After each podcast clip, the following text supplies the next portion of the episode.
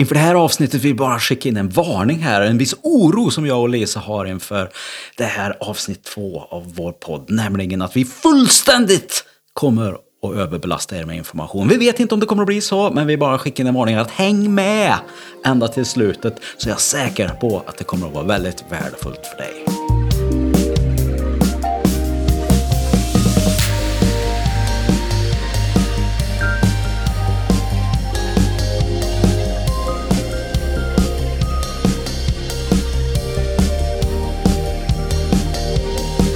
Ja, varmt välkommen till Be Digital-podden. Det här är avsnitt två. En podd om digitalisering och vad den möjliggör för dig och ditt företag. Det här är Lise Bergqvist. Det här är Stefan Skoglund och vi kommer båda från Compare i Värmland. Ja, för att bli ett allt mer digitalt företag så är det viktigt att se digitaliseringen ur ett helhetsperspektiv. Alltså det är ju väldigt vanligt att eh, företag jobbar med digitala punktinsatser. Och det är ju inte fel i sig, eh, Stefan. Nej visst, om man eh, har ett vanligt pappersbaserat faktureringssystem till exempel och så gör man ett ryck och så har, gör man om det till e-fakturor till exempel. Så här. Ja, men då har man ju gjort en, en liten digitaliseringsresa, så att säga. Men vi tycker att det kan vara väldigt viktigt att se det liksom inte, räcker inte där. Man måste se digitaliseringen ur ett helhetsperspektiv och se över hela sitt företag och vad det innebär. Och, och det är vad vi kallar för digitala resor. Inte bara en, två, tre små saker utan många, många små saker som tillsammans gör att man blir en ny typ av företag som är bättre anpassat för en allt mer digital tid.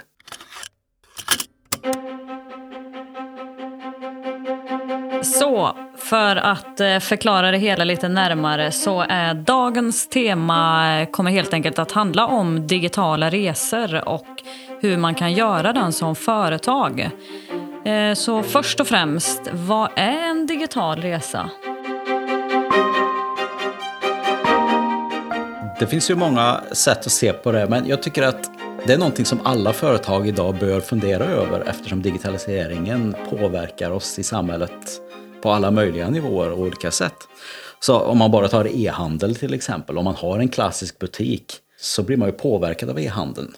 Och då är frågan, hur ska man göra då som butik för att digitalisera sitt företag? Och i den mest extrema fallen då så, så, så lägger man ju ner sin butik och gör en e-baserad butik istället. Och så har man gått över fullständigt till e-handel och har ett helt digitalt företag.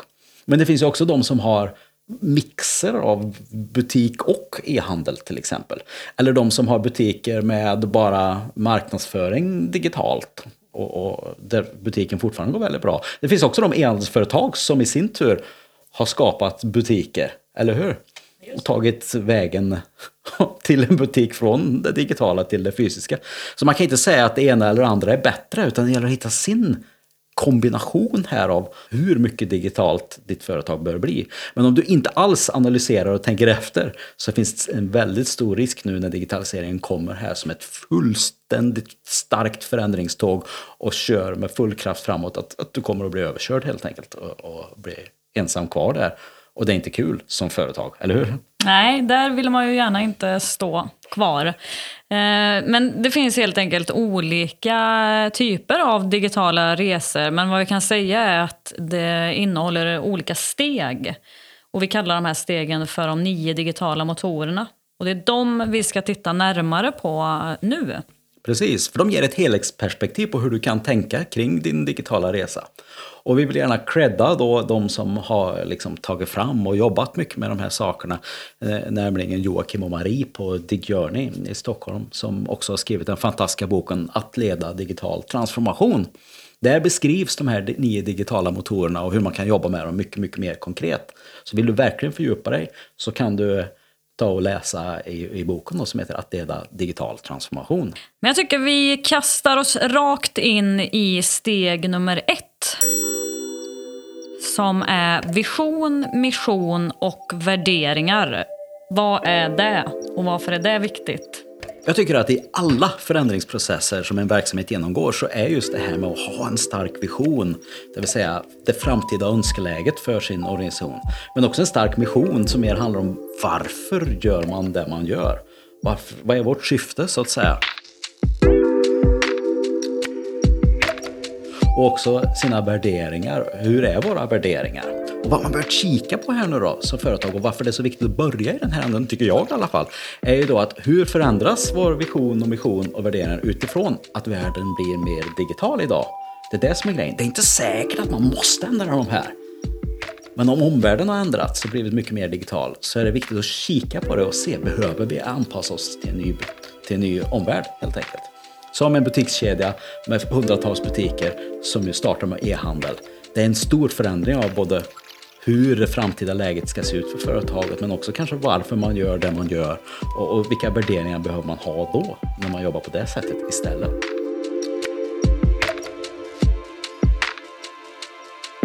Frågan man kan ställa sig då är eh, Har ditt företag värderingar, en vision och mission som är anpassade utifrån en allt mer digital tid?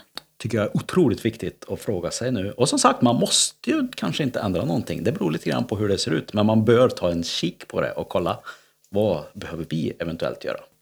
Vi går vidare till nummer två som är strategiarbete.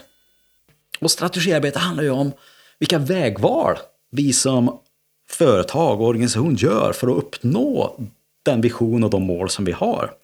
Och det kan ju vara då särskilt viktigt i våra digitala satsningar här. Vad, vad, vad är de strategiskt viktigaste sakerna att satsa på nu i en allt mer digital tid? Och för att få tydlighet och kraft i det man gör och inte bara så att säga byter ut ett ekonomisystem från pappersfakturor till e-fakturor och tror att man är klar så är det viktigt att ha en strategi här för att se vad är de övergripande grejerna vi ska ja. göra. En, två, tre, de här sakerna är de absolut viktigaste vi bara måste göra. Och det blir vår strategi, det vill säga vårt vägval framåt. och det kan också baseras då utifrån förändringsvågor som vi pratade om i förra avsnittet. Precis, det kan vara ett väldigt bra sätt att tänka och se över då förändringsvågorna och se vilka påverkar oss och hur behöver vi anpassa våra strategier utifrån det. Så har ditt företag strategier som är anpassade utifrån en allt mer digital tid? Det tycker jag att man ska fundera på ikväll. Eller när man nu vill fundera på det. Men det är en väldigt, väldigt bra fråga att fundera på, absolut, som företagare och ledare idag. En eh, annan del i det här arbetet är ju organisation som är nummer tre. Vad är det man ska tänka på kring organisationen och vad innebär det? Det vet ju säkert de allra flesta som har på något sätt jobbat med förändringsprocess i ett företag att det är ändå människorna som ska göra det. Och eh, därför är det otroligt viktigt att alla i en organisation, allt från styrelse till vd, ledningsgrupp och medarbetare, är engagerade inför de förändringar som man ska göra, då, oavsett om de är digitala eller inte. Är man inte det så kommer det ju inte funka i praktiken. Så hur kan man få med sig människorna som verkligen ska göra jobbet in i den digitala förändringsresan? Det är väldigt viktigt att fråga sig. Och fråga sig också just, ja, hur, vad behöver vi ha för kompetens då för att hantera de här förändringarna som vi står inför? För någonstans är det ju ändå människor som vi pratar om här och det är människorna som kommer att skapa förändringen. Än så länge är det ju så att inte robotarna gör allt. och vi bara kan ha semester.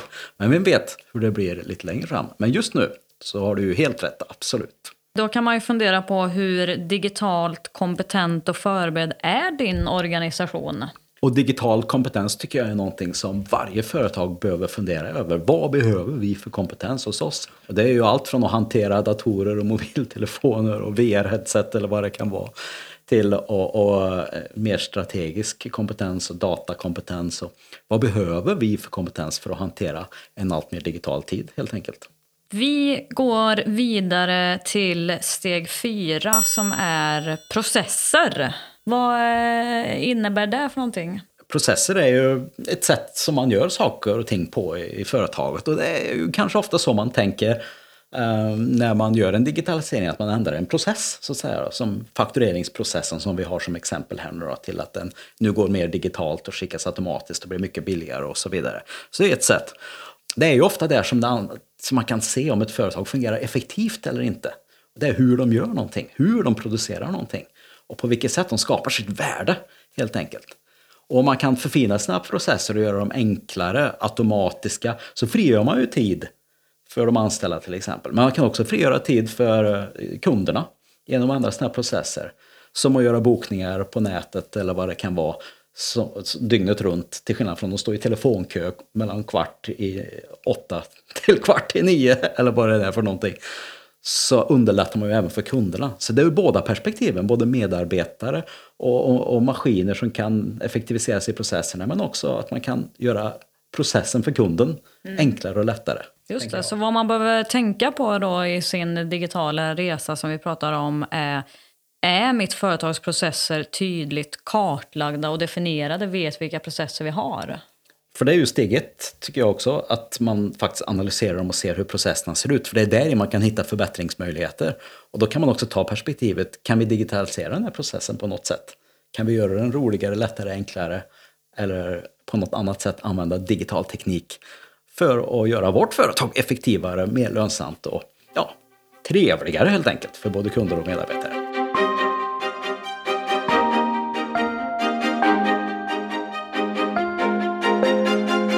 kommit eh, halvvägs här nu och eh, då hittar vi infrastruktur.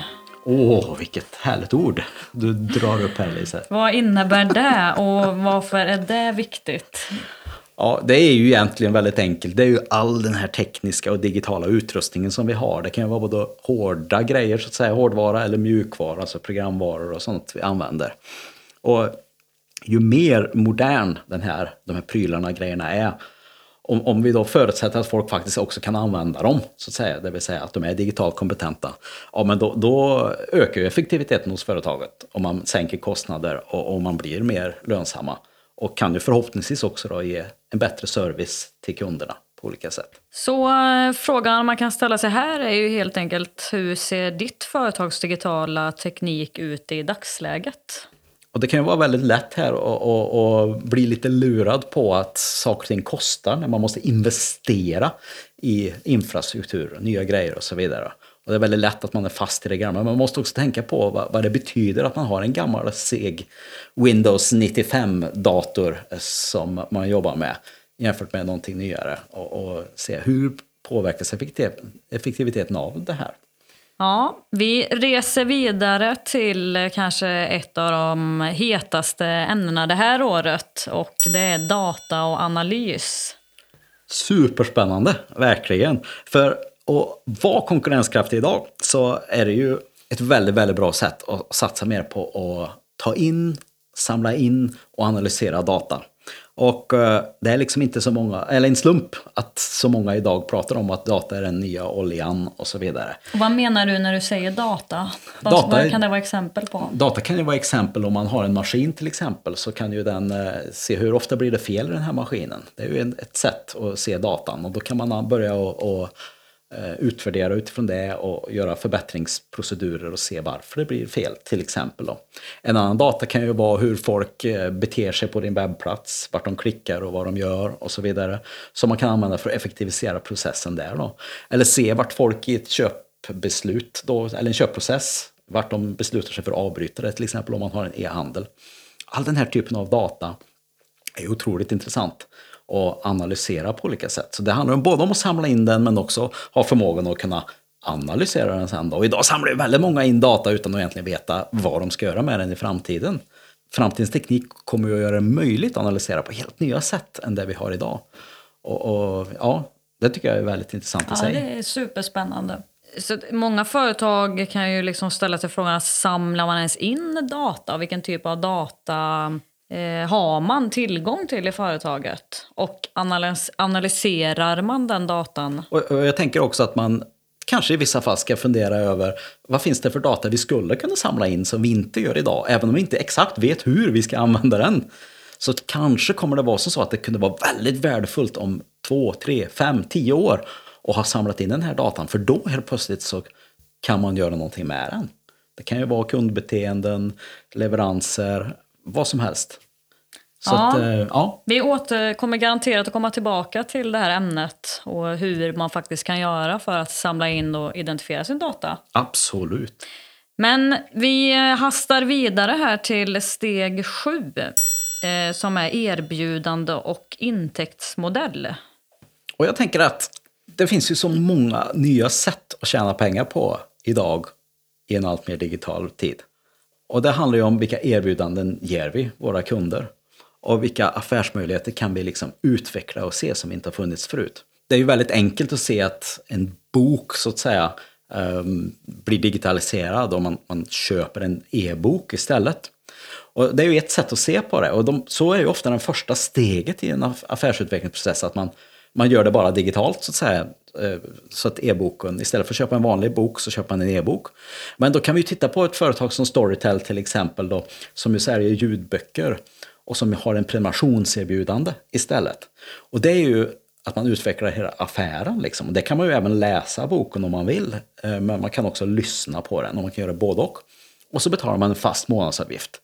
Och det blir ett helt nytt erbjudande till kunderna. Och kunderna kan lyssna och ta till sig på böckerna på det sättet som de vill göra det, där de är. Man kan inte läsa en bok när man kör bil, men man kan lyssna på en bok. Så det ger ju en helt ny möjlighet. Liksom.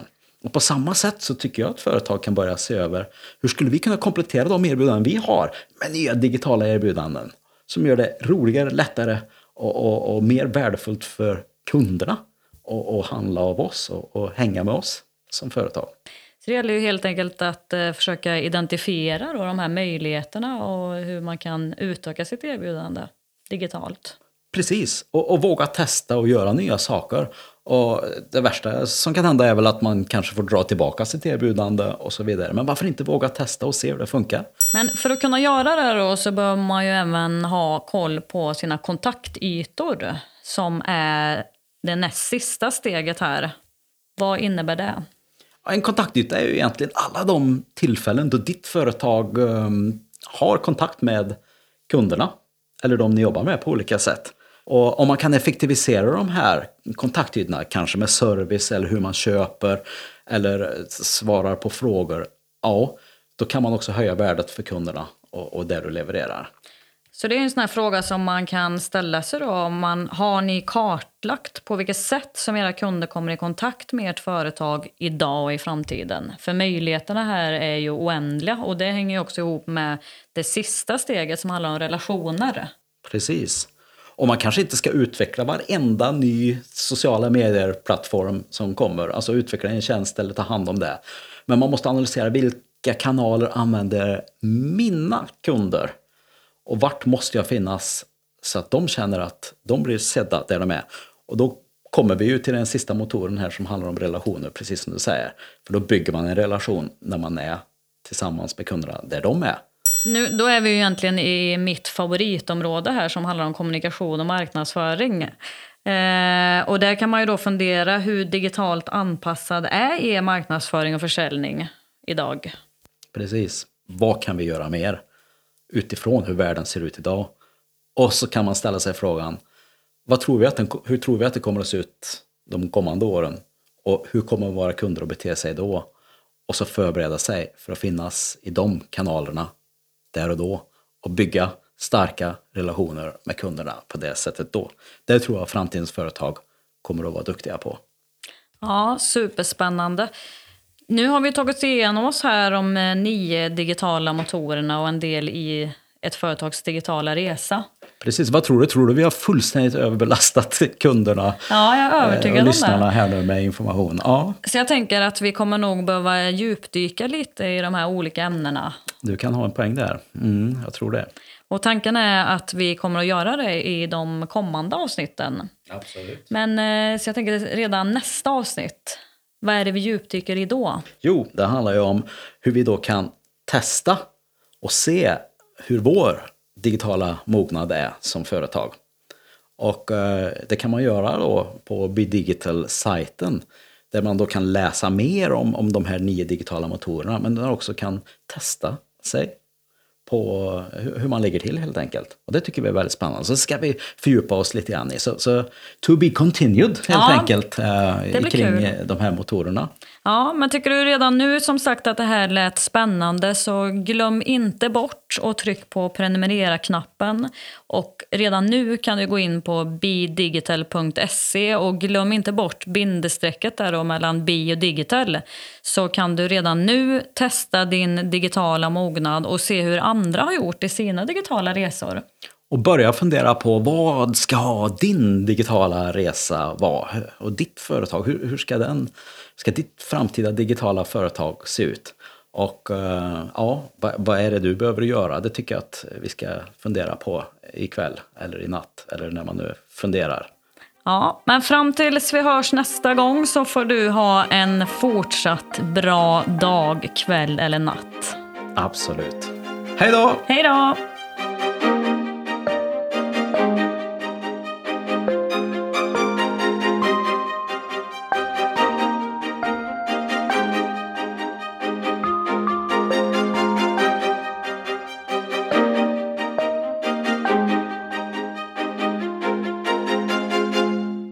Det här avsnittet av Be Digital-podden har producerats av Studio Nyström Aktiebolag och medfinansieras av Europeiska Unionen, Europeiska regionala utvecklingsfonden via projektet Smart Industri Norra Mellansverige.